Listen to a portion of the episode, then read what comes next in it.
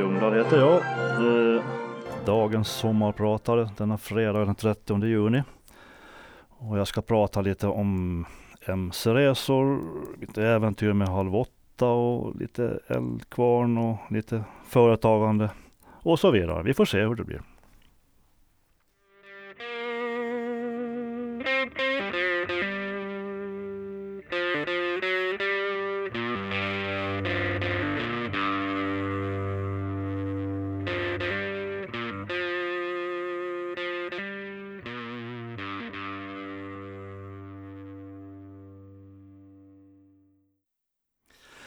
Ja, och det var en, en låt ifrån Clutch och Electric Worry. Nu har vi dammat av högtalarna ordentligt så att alla hör ordentligt. Eh, jag ska prata lite om MC-resor och jag tänkte börja med den senaste vi gjorde då sommaren 2016. Då tänkte jag att vi skulle åka ner i Toscana och snurra runt där och äta gott och dricka gott vin och så vidare. Men när vi väl kom ner genom Tyskland och så vidare. Vad ska vi dit och göra? Vi har ju varit där en gång. Så vi siktade åt ett annat håll. Det var Kroatien och det var Slovenien och, och där åkte vi runt och hade det jättebra. Och sen åkte vi faktiskt igenom Polen. Det måste jag säga, det var man har ju för sig det att det ska vara ganska grått och trist och tråkigt. men det har hänt mycket där. Alltså det är fina vägar, nästan bättre vägar än någon annanstans i Europa.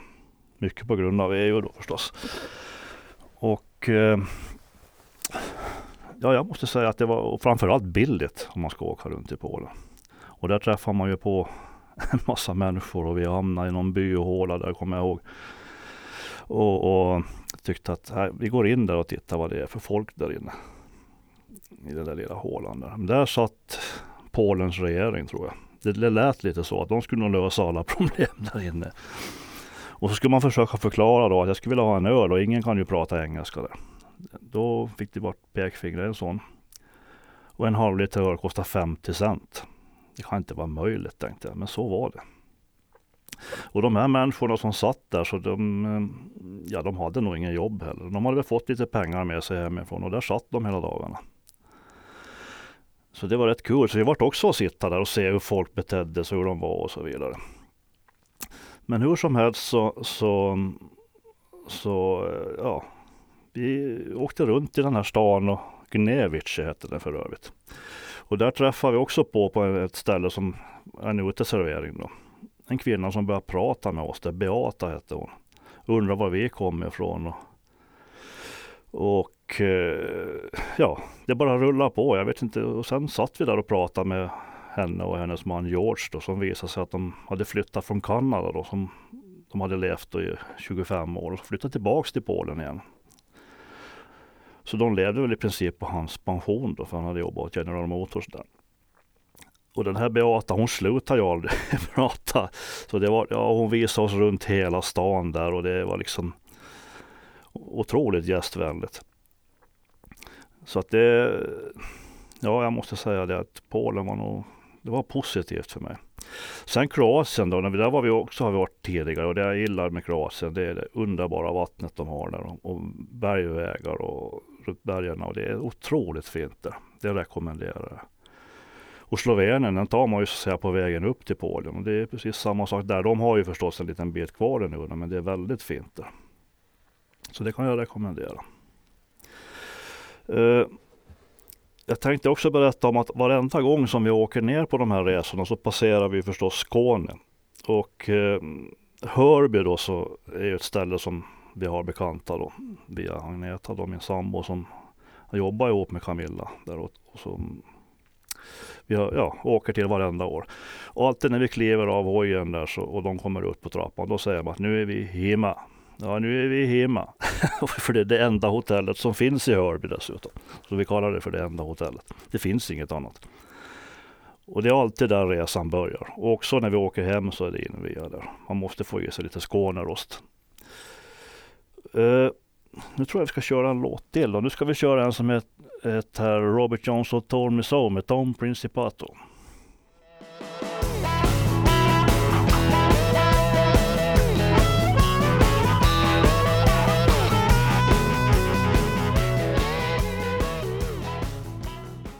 Nu för tiden när vi åker motorcykel så har man fjädring och man har kåpa och man har väskor och grejer. Men så har det ju förstås inte alltid varit.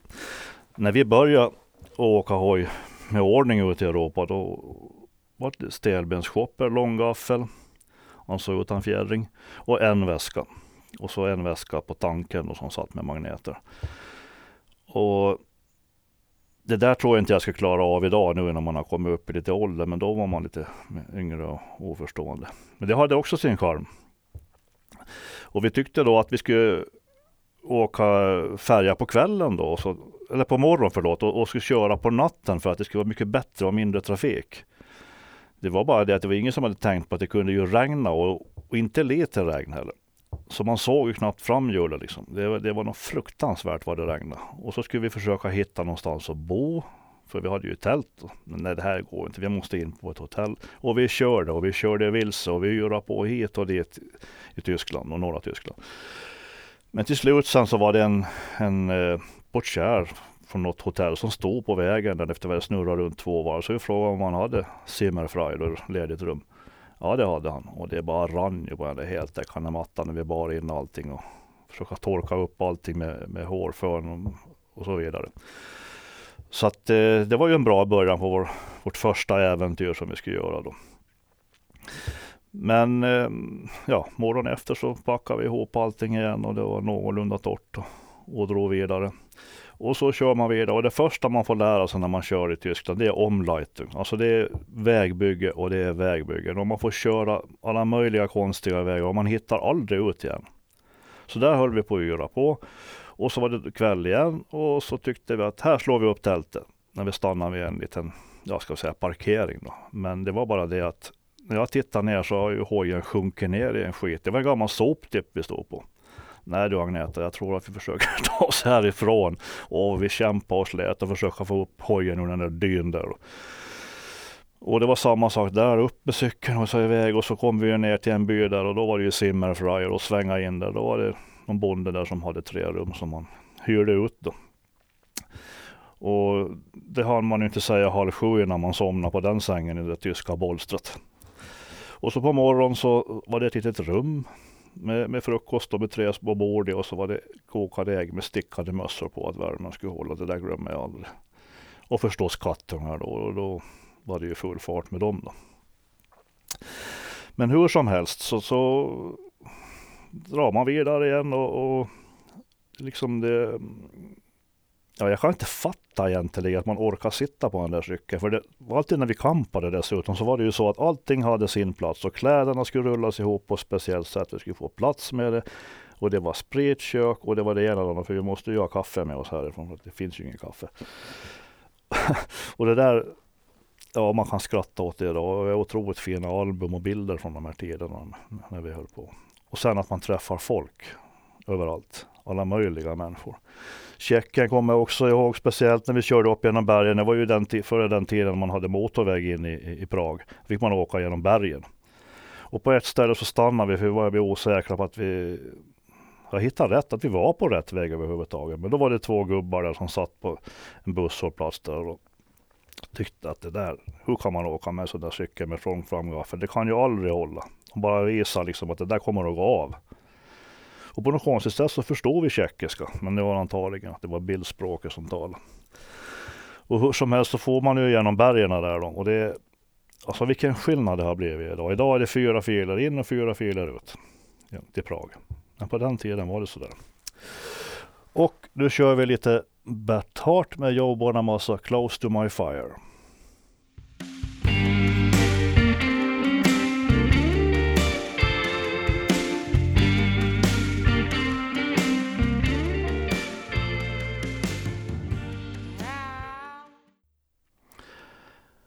Vår längsta mc-resa den gjorde vi 1999 med just den här Harley-shoppen då. Eh, då skulle vi ner till Spanien och det är ju en bit att köra. Och eh, inte helt problemfritt förstås, för det alltid var det någonting. Och oftast så var det så att när vi kom till Skåne, då hade några äkrar gått av i bakhjulet. Så fick man sitta där då hos bekanta på kvällen och, och byta ekrar i bakhjulet för jag hade alltid reserver med mig. Och det konstiga var att det var alltid när vi kom till Skåne de gick av. Sen kunde vi åka runt i Europa då höll det ihop. Eh, men ja, så rullade vi på i alla fall och, och fick ett problem med att, att eh, hela fästet till fotpinnen lossnade. Så jag hade ingen fotpinne att stöda på. Och bultarna hade gått av. Och vad gör man nu i Spanien och försöka få tag i Tums bultar i, i Spanien. Men hur det var så fick vi hjälp i en stad där, jag minns inte vilken stad det var, men med poliseskort faktiskt. De satt där och käkade glass i bilen och tyckte att ja, men vi måste ju hjälpa de där stackarna. Så de eskorterade oss till en, en, en hojverkstad där. Titta vad bra tänkte jag. Där blir, går vi in där och frågar. Ja, vad är det för årsmodell? Ja, den här hojen har jag byggt själv. Så det är nog inte så mycket eh, som är så original på den här. Ja, men du måste beställa och det tar två veckor. Nej, jag tror inte det. Så det var mycket bling-bling i den butiken och krom. Om man ville ha det så fanns det, men några skruvar det fanns det ju inte. Men hur jag kom ut den där butiken i alla fall så såg jag en kille med en Honda-overall på. Så jag tänkte, jag frågar honom. Ja visst, kom med ner i, i verkstaden här. Så tog han en låda och så skickade han ut allting på golvet där. Och så fick jag gå där och krypa och leta. Och det första jag ser så ser jag precis just sådana skruvar. Tumskruvar i en Honda-verkstad som allt går i millimeter.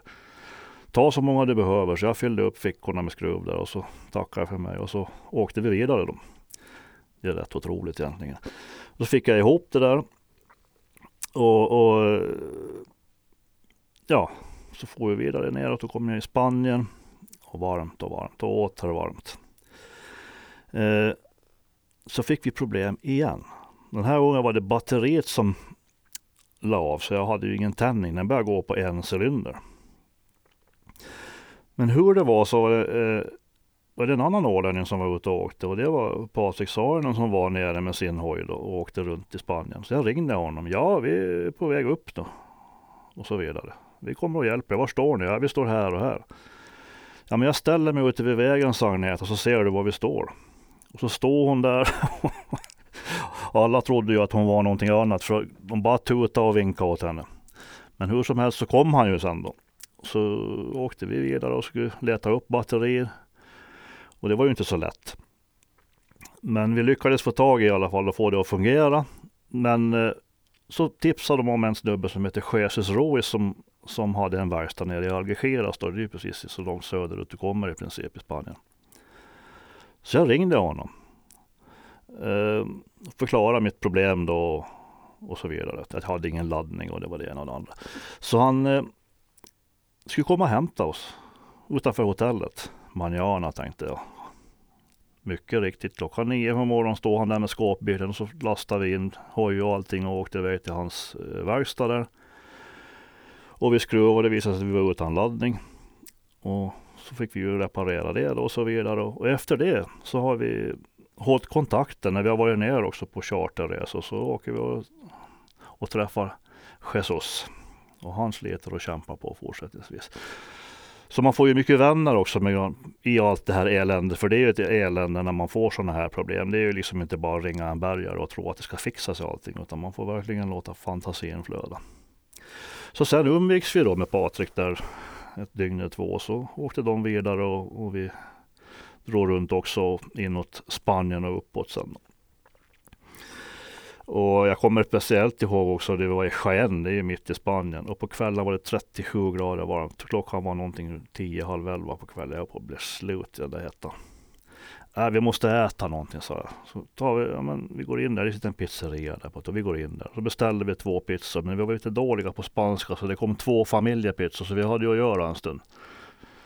Så det orkade vi inte trycka i oss det där. Så det fick ju vara. Och då när vi skulle åka iväg från Skien dessutom, det kommer jag också ihåg. Det var en kille som stod där utanför. Han kunde ha varit en tre, fyra år någonting och, och eh, tyckte att en sån där skulle han ha när han blev stor. Och så startade vi upp cykeln och så började han gråta. Så en sån skulle han inte ha när han blev stor. Det vart vi varse om. så det är så här minnen jag kommer ihåg just från den där tiden. Men just den här resan då så höll vi på i tre veckors tid och vi körde lite drygt 11 000 kilometer. Så vi låg verkligen i när vi körde. Och vi sa det här blir inte fler gånger. För när man kör så här mycket så missar man ju ganska mycket också naturligtvis. Men det är långt att åka runt både upp och ner. Så är det. Men nu har vi gjort det äventyret och vi är glada för det och mycket kompisar fick vi på vägen. Och, och Jesus håller jag fortfarande kontakt med. Han träffar jag faktiskt på lite olika mässor, hojmässor i Europa när man åker runt. Så det är riktigt, riktigt roligt. Han kallar oss för övrigt för Crazy Finns.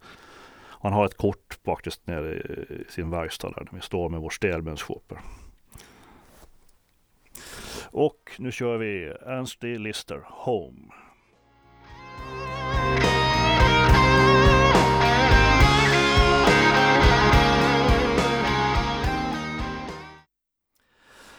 Ska inte du vara med i Halv åtta hos mig, sa Agneta. Jag skickar in den här anmälan. Ja, gör det, sa jag. Det var en fredagkväll. Efter att ha dragit några glas vin. Det alltid blir så lätt då på något sätt. Men hon gjorde det i alla fall. Och mitt i allt så tar de kontakt med mig. Då. Eh, jaha, vad händer nu liksom? Ska jag vara med där? Eh, ja, vi kommer att besöka dig då och, och några till och så får vi se vad det blir. Och de kom hem till oss en dag där och gick runt och tittade i köket och vi satte oss ner vid bordet där och frågade om ja, matlagningen då förstås. Och vad jag tyckte och vad jag gjorde och vad jag inte tyckte och så vidare. Ja, vi hör av oss. Sa de och så åkte de iväg. Så en dag, tog bara en vecka tror jag, så var jag i Stockholm med några kompisar och skulle på en MC-fest. Då ringer de där på eftermiddagen. Ja, tjena det är från halv åtta, vill du vara med? Eh, jag tänkte jag skiter i det där. det var, nu tog jag nog vatten över. Ja, men okej, okay, jag kör på det. Vi ska ju spela in så det är ju så långt bort. Så vi, vi okej, okay, vi gör så. Ja, då var vi med. Sen börjar ju planeringen. Jaha, vad ska man ha för mat och vad ska man göra? Men jag kan ju ingenting sånt där i tv. Liksom. Jag har aldrig varit med om något sånt. Så ja, jag höll på ganska länge faktiskt. Och så testar man ju då förstås på de närmsta på vänner och familj och så vidare. Att funkar det här, funkar det här? Sen så kom de. Och de kom klockan åtta prick på morgonen. Gick in alla åt varsitt håll, ljudtekniker, ljus, allting. Har du några gamla mattor? Ni ska ha det på golvet, dra för gardinerna, bla, bla, bla, hit och dit. Allt ska vara si och så och så. så. Tjoff, tjoff, tjoff, tjoff. Och mitt i allt så, jaha, ja, vad ska jag göra? Ja, där, du får inte stå så där med ryggen till och, och, laga mat där på bänken. Du måste vara här vid spisen och den ytan var ju inte stor. Det hade jag ju inte alls tänkt på. Så mycket saker vart ju upp och ner då på grund av inspelningstekniska skäl då naturligtvis. Eh, när vi höll på och spela in så satt jag med vid Tällstensspisen där och de skulle, ska ju prata om vad jag skulle göra för mat och så vidare. Och mitt i allt så hör jag någon som tänker spy. Nej, det var en av våra kattungar, Zacke. Då fick han ju för sig att han skulle dra upp en hårbår på golvet. Han var ju bara 13 eller 14 veckor gammal. Då. Bryt! Nej men jävla katt, inte nu. Och jag kom ju av mig så totalt. Vad pratar jag om? Jag har ju helt glömt bort var jag var någonstans. Så där, där ser man hur det kan bli. Men som tur var, det, det är ju inspelning så det är ju bara att klippa bort och så vidare. Nå, så fortsatte vi igen. Då var det ju nästa kattunge. Då skulle han upp i, i, i lådan med ljudtekniken och vara med och skruva på alla rattar där då förstås. Så då fick vi börja om igen. Och så där, så där höll det på. Och, ja, det var helt fantastiskt. Det, liksom, det, ja, får ni en sån här chans, gör det. För du får se hur mycket jobb som ligger bakom det och hur mycket tid som det läggs ner. Och mitt i allt där också när jag står och lagar mat. Tror ni inte att det kommer en traktor på vägen? Jaha, börjar om igen. Okej, okay, var var jag? Och så börjar vi om igen. Laga mat och så vidare. Och så skulle vi ha eh, middagen. Och jag skulle servera hummersoppa då först. Och jag hade ju gjort då en sån här tabasco-grädde till. Och den hade jag glömt bort. Så när jag gick tillbaks in i köket, då var det en av, av eh, teknikerna skrivit på en stor skylt, grädden. Och jag, jag visst fan, grädden också. Och så in med den. Och så det, sådana där grejer händer hela tiden. Men det gäller att bara skärpa till sig liksom. Och när vi väl sen var klara med all middag och allting så skulle de ju intervjua James då i ett av rummen. Ja, då kommer Agneta hem med bilen och lyser rakt in i rummet och förstås på kameran när hon kommer in och parkerar på gården. Så var det bara att ta om igen. ja, det var riktigt roligt. Halv tre på natten får de hem. Då var allting klart filmat för 35 minuter program. Så det är ju ett otroligt arbete som ligger bakom. Fast man inte kan tro det och du ser det ju inte heller. Och den här Helige Skog, han var ju förstås inte där, utan det här är ju pålagt efteråt. Så att det, det är lite speciellt också för du ska ju stå och prata med en person som står på sidan om kameran. Det är ju ingen som frågar dig någonting. Det är du som ska påstå saker hela tiden och, och berätta vad det är du ska göra och hur du gör och så vidare. Och det där lägger de text till sen och det där var ju otroligt svårt. Men till slut så ja, jag fick flyt till det där sen och det var nog så för alla. Och sen de hade ju sitt sätt att göra saker och ting och exempelvis när jag skulle steka köttet då så, så skulle jag lägga det åt sidan för att servera det senare. Så att det låg ju på eftervärme och vart ju liksom välstekt för att jag skulle ha det med det och sådana där grejer. Men det var lika för alla. Vi fick inte reda på hur det skulle gå till det där. Men det var bra ändå. Fick ju lika mycket poäng dessutom allihop. Så det var ju oavgjort första gången i historien då, halv åtta. Nu kör vi Robert Cray, I forgot to be your lover.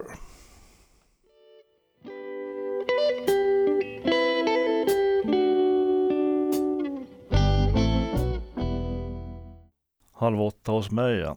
Eh, jag har aldrig kört faktiskt en, en, en fullt vuxen kvinna i en, i en eh, kundvagn tidigare. Men det var faktiskt det vi gjorde när vi skulle spela in inne på kantarellen då när vi skulle handla. För det skulle funka så skulle hon åka där och hon hängde halvt utanför så det såg säkert rätt roligt ut där när vi åkte omkring. Och då skulle jag ju också försöka göra lite reklam för vårt fina smör och så vidare. Men det gick ju inte alls för sig. Det plockade man ju bort och klippte bort och så vidare. Och så att det, mm, ja, man ser lite hur det funkar det där. Eh, det jag skulle berätta också när det gäller, gäller eh, halv åtta hos mig så är det är ju liksom när man, när man tittar i de här bilarna efteråt. Ska tänka att det är klockan är någonstans mellan ett och halv två där de ska ge poängen och, och de ska, man ska bedöma någon. Man är så trött. Kolla på det nästa år när ni ser halv åtta så får ni se på ögonen hur trötta de är.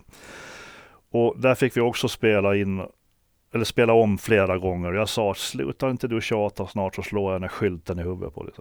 Ja men vet du vad, det har faktiskt hänt så. Nej, jo det har hänt. Folk är så förbannade och trötta att de orkar inte längre. Tänkte jag, ja, men då har jag ju stått ut ganska bra ändå man är skittrött och speciellt då efter fyra dagars inspelning när man kommer hem halv tre, tre varje natt. Så att det, ja, det tar på men det, det är roligt ändå. Jag fattar inte hur man orkar liksom ändå. Det, och sen just det här att stå och laga mat med, inför en kamera. Man, man kan ju förstå hur duktiga de här kockarna är som verkligen står och gör det här hela dagen. Det är klart de lär sig men, men som amatör så har man svårt liksom att förstå. Och sen för att inte tala om dessa mästerkockar. Då brukar jag tänka på de här barnen. Men man har ju ingenting att sätta emot de där ungarna. De är ju helt makalösa på att laga käk. Jag blir faktiskt imponerad av dem. Det om halv åtta hos mig. Jag tänkte också berätta en, en grej när min sambo Agneta fyllde 40 år. Eh, vi visste inte riktigt vad vi skulle hitta på och skoja med henne om. Vi kom på att äh, vi går ner på park och, och så lyssnar vi för Plura och Karla skulle spela där då, ensamma då. Och de spelade där på, på kvällen och, och på natten då. Och då vart jag sen efter spelningen och pratade med Karla då, Pluras bror. Om en det ena och det andra. Och så kom jag på bara, men tänk om vi skulle hitta på någonting med just dem, för det är ju hennes idoler. Så jag fick Karlas nummer. Jag tänkte, okej, okay, jag ringer väl upp honom nästa vecka. Och jag gjorde det också ja men det där måste vi kunna ordna. Och det var ju, det här var i oktober, hon fyller i januari då. Och vi pratade på det, hur vi skulle lösa det och, och så vidare, när det var och hur. Och vi kom överens om, om det då. Men sen tänkte jag, hur ska jag lösa det här i hemlighet för en människa som ska ha stenkoll på allting. Hon har ett enormt kontrollbehov. Och, och jag tänkte, var ska vi ha det? Ja, men vi ska nog ha det i verkstaden vi pratar ihop oss där ett gäng och, och vi bygger en scen där i änden och flyttar på de här maskinerna och vi lånar in eh, bord och bänkar där och därifrån. Eh, sakta gjort det började närma sig och så tänkte jag att jag måste ju få kontakt med alla svenska kompisar till henne. Så gjorde jag faktiskt en ful grej. Jag var inne i hennes eh, bok och kollade telefonnummer och ringde och mässade och höll på att plocka ihop ett helt gäng med svenskar som skulle komma. Bland annat de här från Hörby, Tore och Camilla. Då. De skulle komma och det är ju en bit att köra. Det är ju 700 kilometer upp och 700 kilometer ner. Eh, de skulle komma. Den dagen som det här skulle ske så hade Agneta gått av sitt jobb och hon kom dit till firman och jag tänkte ja, hon får inte komma in hit. Hur ska jag få ut henne ur butiken? Jag lyckades på något sätt att trixa ut henne därifrån. Då. Och sedan höll vi på att skruva ihop. Så det där, det där vart ju lite en pers för mig då. Och, och jag måste ju förekomma saker och ting hela tiden liksom, för att inte hon skulle upptäcka någonting eller misstänka någonting. Ja, herregud. Man tänker tillbaks på det också. Men när hon kommer dit andra gången samma dag, då kommer eh, en, en bil med lite kött och korv där som skulle komma in i butiken. Men jag rusar ut och så drar jag in den där lådan in i, i, i verkstaden. Vad var det där? Ja, det var en hojmotor som ska fixas, sa jag bara. Men hon misstänkte ingenting. Och hon åkte hem sen i alla fall och, och vi jobbade vidare. Och hon jobbar natt dessutom, så då jobbar vi ju frenetiskt med allting och pynta och grejer och, och fixa där då, runt omkring i verkstaden. Det var ju riktigt fint tyckte jag själv. Det var ju bara det med den här festen då att, att min vän eh, Peter Bong och Eriksson skulle naturligtvis omkomma då. Just den här tiden då. Det skulle vara begravning samma dag som vi skulle ha festen. Så det förtog lite av, av, av, feststämning och så vidare. Men vi var i alla fall i kontakt med hans familj och de tyckte att ja, men han skulle ändå vara med. Ja, han är nog säkert med nu också. Så att vi, vi körde på det i alla fall. För det låg så mycket planering runt det här. Så samma dag som festen var så var vi på begravning först. Och då hade jag några kompisar som skötte det sista då på den här festen då. Och ja, det var lite konstig stämning, men på något vis så var det ändå att det, det roliga det hade varit bäst i alla fall. Hur som helst. Och de som hade varit lite längre på begravningen så kom ju på festen senare också då. Så det där var lite kul och vi, vi gjorde ju som så då när det gäller de här eh, svenska vännerna. Först, eller egentligen från början så var det så här då att vi eh, sa att vi, du ska komma med ut och äta ikväll. Nej, hon hade joggbyxorna på sig. Hon tyckte hon hade ingen lust. Nej, men du får nog ta på dig något fina. Vi ska ut och äta nu. För Pernilla och Dante kom till vår lägenhet då. Och så iväg. Och så får vi till Röcka. Ja, då får du välja vad du vill käka. Och hon bara, va? Här? Nej, jag skojar. Och så på med binden igen och så åkte vi runt i Hindensbörda där då och försökte finta runt henne. Men tro inte att hon, inte, hon visste var hon var någonstans, för det gjorde hon. Hon hade ganska bra kompass ändå. Och när vi kom in i verkstaden så kände hon ju förstås igen lukten att hon var i verkstaden då. Och så in i verkstaden och där satt ju och stod ju alla vänner då. Så det, då vart hon överraskad. Och sen var inte svenskarna där då, för det hade hon ju inte räknat med. Så vi spelade upp en film där då, som Tora och Camilla hade gjort. Och, hej hej, det skulle vara kul att vara där och så vidare. Ja, då tyckte hon att det också skulle vara kul. Det var bara det att när dörren flög upp så kom de. Då var de där allihop.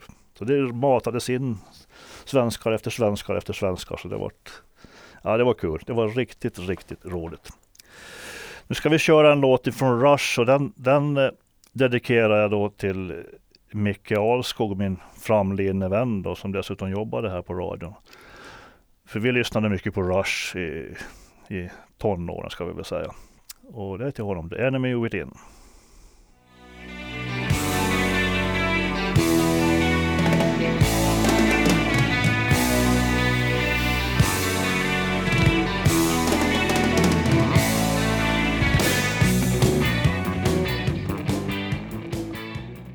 Nå, när väl alla var samlade sen i verkstaden så hade jag fått en plansch utav, av eh, Karla då.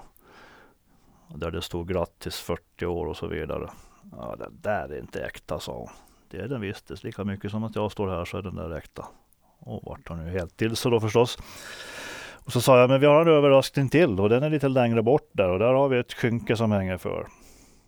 Och då kunde inte Karla hålla fingrarna i styr så han började plinga lite på någon sträng där och då började hon ju ana att det var ju någon där då. Men, men vem det var, det hade hon ju ingen aning om. Och hon ville ju inte sticka in huvudet så jag tryckte till där och så såg hon ju då Plura och Karla där och det första hon säger, vad fan gör ni här? hon var helt borta då. Och det var ju jordens överraskning så där ja, spelade de då hela kvällen och, och natten. Och, vi åt och vi lyssnade på musik och vi hade jättekul. Det var faktiskt en riktigt rolig. Det var så skönt när det där var över. För så spänd som jag har varit över tre, tre och en halv månaders tid för att få det där att funka och få det att synka och det ena och det femte. Men det var riktigt roligt. Riktigt, riktigt roligt. Och sen har vi ju förstås efter det här då så har vi ju blivit bekanta med dem och umgås med dem och åkt på mycket spelningar och varit mycket backstage och var på cirkus när de hade sitt 40-årsjubileum och sådana här grejer fick man uppleva och, och träffa en massa kändisar förstås då backstage. Det är riktigt, riktigt roligt. Så det har blivit det är riktigt roligt som eh, att bli bekanta med de här människorna. De är så lätta att göra med. De är inte konstlade på något sätt. Så att det, det är väl mycket det också. Så det var en riktigt rolig, rolig grej. Och jag har haft en fest tidigare i verkstaden, men det var när jag själv fyllde 40. Men då hade jag inte sådana artister där. Men det här, det var väl en once in a lifetime, antar jag. Det om det. Sen tänkte jag också prata lite om, om, om att vara företagare. Och I det här yrket som jag är då med, med som ja, motorrenoverare eller verkstadsägare vad jag ska säga. Och hur jobbigt det kan vara många gånger. Och eh, det har ju gått så långt för mig så jag till och med varit utbränd här för fem, sex år sedan. Då, ordentligt utbränd. För vi byggde ju hus samtidigt och det här pallar inte jag riktigt tydligen.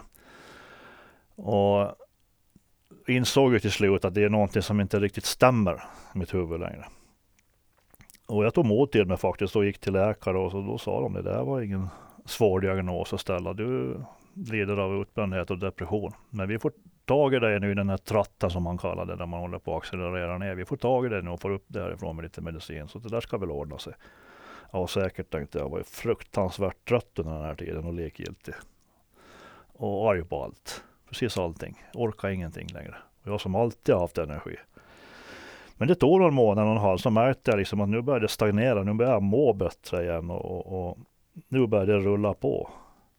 Och det här med att bli utbränd, det trodde jag var en sån här modern sjukdom, något nytt påfund. Men du kan nog nästan prata med vilken småföretagare som helst idag eller tjänstemän med mycket ansvar som har det här problemet. För jag frågade faktiskt den här läkaren då, och han sa ju det att vi är överrepresenterade. En pallar det och andra inte. Men till slut de som man tror pallar så åker också dit till slut. Det, det är så. Kroppen säger ifrån att nu är det bra. Men nu har jag passerat det där och det var också en erfarenhet. Och det jag har lärt mig av det där det är att säga nej. Jag har inte tid. Jag har det här och det här och det här för. Och det har funkat rätt bra faktiskt för att eh, jag tog tag i det där på allvar. Och har, har gått i terapi och så vidare och lärt mig och fått lite verktyg att hantera det där också. Så nu är vi tillbaks på banan igen och nu rullar det på som tusan igen. Då. Men att nu har jag kontroll över saker och ting, tror jag i alla fall. Så att det, ja. Men nu tänkte jag så här, nu ska vi köra lite älgkvarn som vi, vi, vi pratar ju om det. Och då tänkte jag att vi skulle köra Det berömdas Aveny.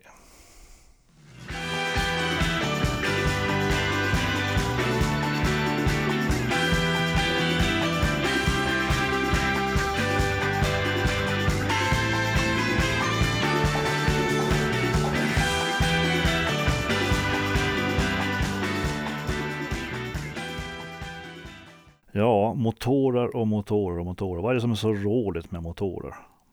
Ja, det har jag frågat mig själv många gånger. Men det är väl det som jag har hållit på med mer eller mindre hela mitt liv. Så man höll på med den där mopeden.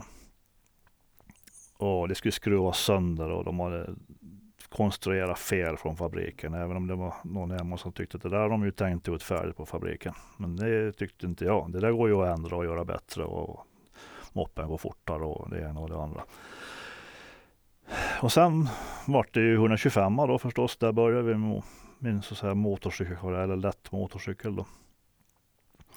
Och det där var väl inte så lätt för mina föräldrar förstås eftersom vi har ju varit ute för en tragedi då på 70-talet, 1973 då när min lillebror omkom i en olycka. Och, och, det var klart att föräldrarna var rädda om mig. Och så ska jag åka motorcykel. Nej, det var nog inte så poppis. Men jag visade att jag klarade av det ändå och, och ta ansvar för det och försökte köra försiktigt även om man körde till skogs några gånger. Men det måste man göra för att lära sig att det tar ont att köra dåligt. Så är det bara. Och det har man ju fått lära sig den hårda vägen. Men eh, så vart man ju äldre och så skulle det vara tung motorcykel och då vart väl den stora diskussionen hemma att det skulle inte komma någon stor motorcykel i det huset. Men hur som helst så, om jag sen vann och de förlorade, det vet jag inte. Men idag lever jag på det här och skruva på motorcyklar, skruva på motorer och det har blivit mitt levebröd och jag har ju lärt mig då. Och klara mig bra från större saker. Just det, det gäller motorcyklar. Men just det här med motorer och vad motor renoverade, det var inte alls meningen att det skulle bli så, utan det vart så bara när jag flyttade till, till, till Sverige och, och, sökte ett jobb bland tolv andra på ett sådant ställe. Jag jobbade först som, som bilmek och, och plåtslagare på ett annat ställe i Stockholm. Men hamnade där då. Och det finns ju egentligen ingen utbildning annat än mekanisk utbildning då så att säga, utan där får man lära sig och, det fick jag göra av en gubbe som har varit där sedan 1968 och jag fick ju lära mig precis allting av honom. Och det var den ena utmaningen efter den andra och jag trivdes otroligt bra där, även om vi hade våra schismer, chefen och jag och sådär, men vi kom alltid överens till slut. Vi var fem stycken där och plus två bröder som drev det här företaget. Och mycket jobb hela tiden. Och jag fick åka mycket utbildningar och det var liksom till Tyskland till och med var vi flera gånger. På Hatz Diesel och fick lära mig där då en dieselskola. Och så vidare och så vidare. Så att jag, jag fick ju mycket lärdom där. Och sen bestämde jag mig att nu ska jag flytta hem. Och jag tänkte nej, tänkte jag igenom det här ordentligt. Men hur som helst så drog jag igång min firma då 98. Februari 98, jag flyttade hem 97. Och då var man ensam och skulle lösa alla de här problemen som man åtog sig. Och det var väl där som man började jobba alldeles för mycket och svårt att säga nej då förstås. Och sen det här med att bo på en ö. Tar tid att få grejer. Du måste börja planera bättre. I Stockholm var det bara att ringa en budare och hämta grejer. Eller så ville man ha grejer från, från Belgien så kom det dagen efter. Så det där vart jag otroligt bortskämd med. Så det har man ju fått lära sig här nu. Då. Men eh, idag, så när det har gått så många år nu, så, så känner man ett visst lugn ändå. Och, och jag har gått igenom den här fasen med att vara utbränd. Jag känner att jag har mera balans i livet nu och kan planera bättre och vara lite lugnare. Men det är ju ett sätt att leva. Det, det är ju en livsstil att vara egenföretagare. Det är tungt emellanåt riktigt otroligt. Man vet inte hur pengarna ska räcka till och hur ska jag få ihop till det där. Så att det, ja, det är ett sätt att leva helt enkelt. Och sen det här som jag började med motorer. Vad är det just med motorer? Jag, jag halkar iväg lite där. Ja, det är någonting med den här mekanikern. Den kommer in och är sjuk den här motorn där. Den mår inget bra alls. Så får man göra bearbetningar och plocka ihop den och allting. Och så startar man upp den. Det slår man igång ett litet liv igen då. Och så ska man ju visa vem som bestämmer då förstås. Vem det ska gå som jag vill. Så att det, jag vet inte vad det är men det, det är mekaniken helt enkelt. Och lite Eldkvarn igen och den här gången så kör vi söder om midnatt.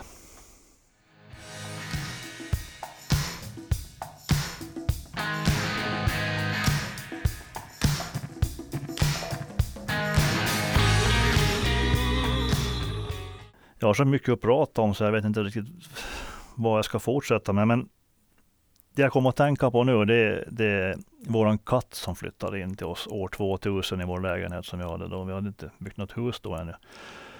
Och jag låg i badkaret en kväll och så mitt i allt så kommer hon hem med en katt i en skokartong. Hon här ska bo här.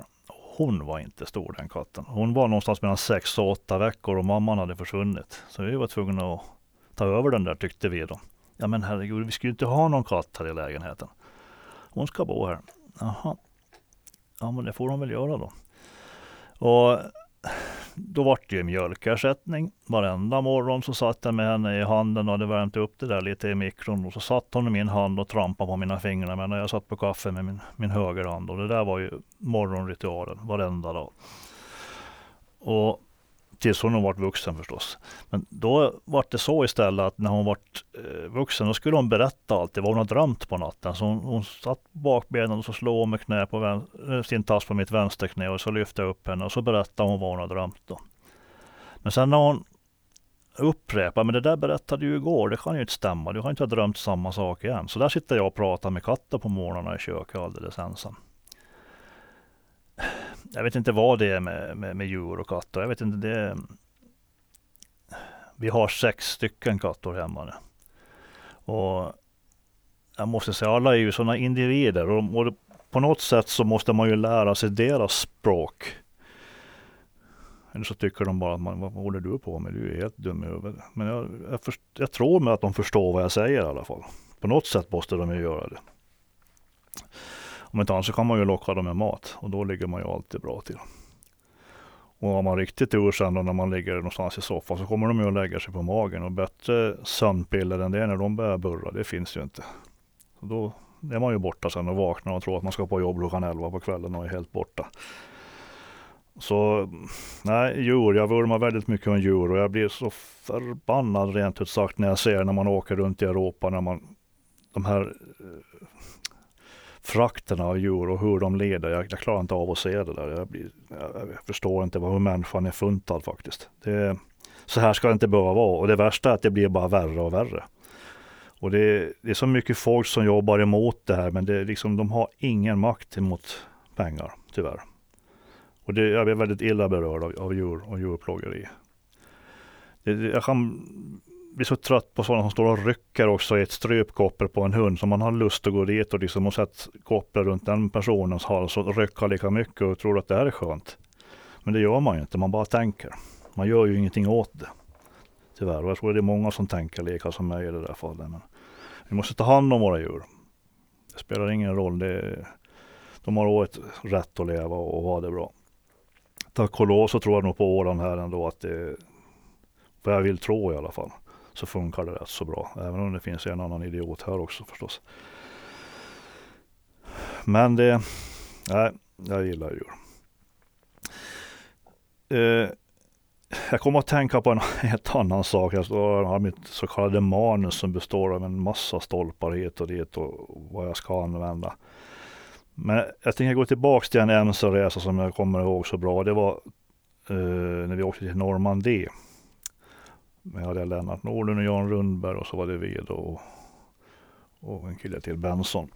I alla fall, vi var i, i, i Normandie. Vi var på väg mot Normandie. Vi bodde där. I, det var tre stycken små hus på den där tomten och förstås ingen engelska kunde de.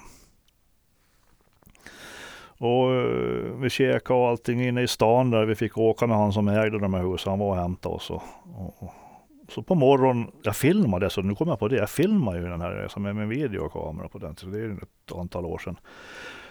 Och när jag kom upp för trappan där så, så öppnar Lennart dörren och det första han säger är Skitränna. Nej men Lennart, inte nu.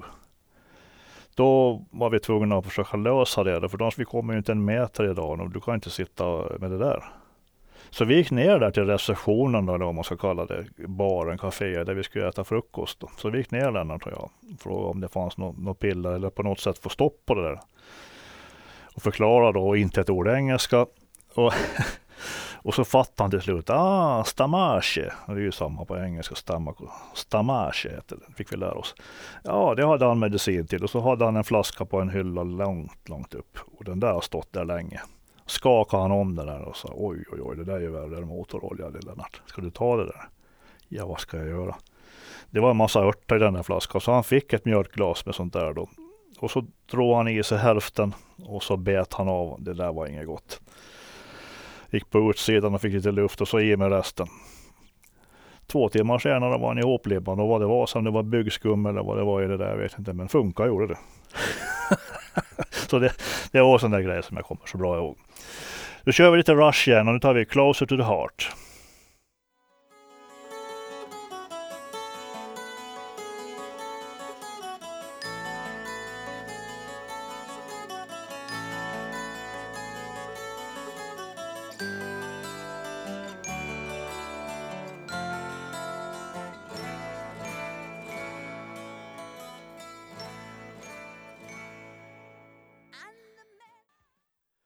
Christer Ljungdahl heter jag och är dagens sommarpratare den 30 juni. Eh, det jag skulle fortsätta att prata om så är väl att eh, 1996 i Stockholm så hade jag en, en, en liten verkstad som jag höll till på kvällar och helger och hjälpte folk med. Den brann ju ner då förstås på hösten 96. Så jag ägde inte ett endaste verktyg. All litteratur, allting som jag ägde och hade i verktygsväg så försvann. I ett ögonblick. Då hade jag varit hemma på Åland så jag kom ju dit på måndagen och såg att allting var helt slätt. Och det måste jag nog säga, det var nog verkligen att, att få punka på något sätt. För det vart ingenting efter det. Eh, om jag har haft depression förut så var det kanske det första gången då. Men den var nog tack och lov inte så långvarig för att med alla kompisar runt omkring mig då och speciellt en klubb i Enköping, Strul MCC. Eh, när jag var där på en fest en gång så sa de det. Nej, nu klarar vi inte av att se dig gå omkring och sparka sten på det här sättet. Att vi kommer att skänka den här ventilslipmaskinen och för att visa symboliskt att nu får du, nu får du sätta igång igen. Det här, det här blir ingenting.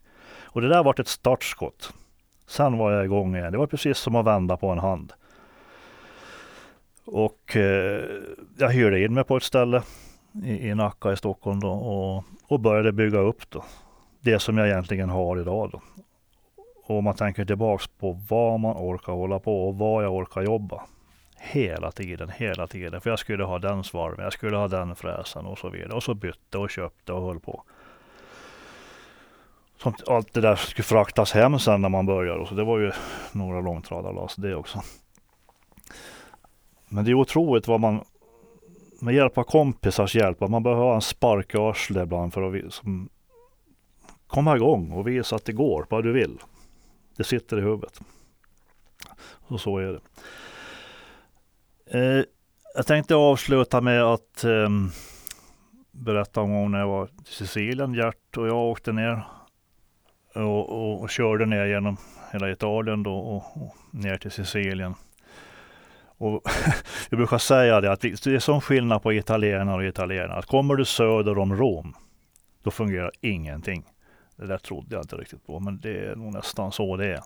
De har god mat och, och gott vin och så vidare, men, men sen, manjana, manjana. Vi kommer, vi kommer att bo på ett hotell så långt ner du kommer i Italien. Och eh, jag gick och duschade och så gick jag ut på Stadterberg på balkongen och tittade på. De skulle vika ihop en presenning där. Jag tänkte att jaha, nu ska vi titta på det då. Och så höll de på det fram och tillbaka. Nej, det där funkar inte. De var fem stycken där. Och det där gick inte att vika den på det. Så, äh, men sen måste man ju prata om någonting annat. Och jag tänkte, herregud, ska jag börja springa ner för trappan och visa hur man, by- hur man viker ihop en press? Liksom. Och så kommer Gert ut ur duschen och han börjar också reta upp sig och börja varva det. Nej, men skit i det, de löser sig. Sen kommer det en kvinna dit. Jag förstår ingen italienska, men, men så mycket förstår jag i alla fall att så här och så här och så här ska du göra. Sen var den ihopvikt. Rätt intressant. Måste jag säga. Nu kör vi Klatsch, Gone Cold.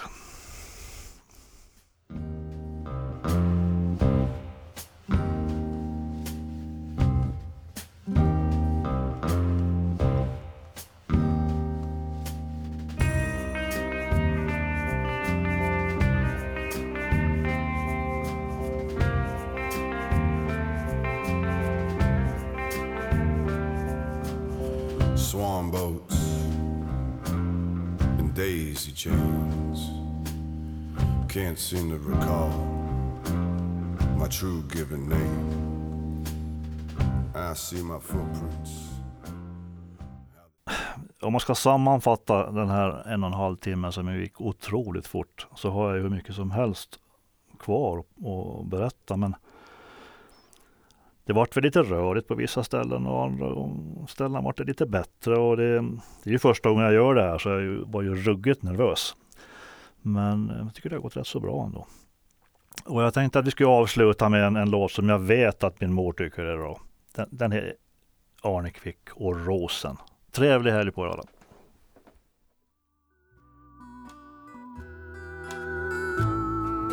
När man söker stundens sorger glömma. Är det skönt att vaken gå och drömma?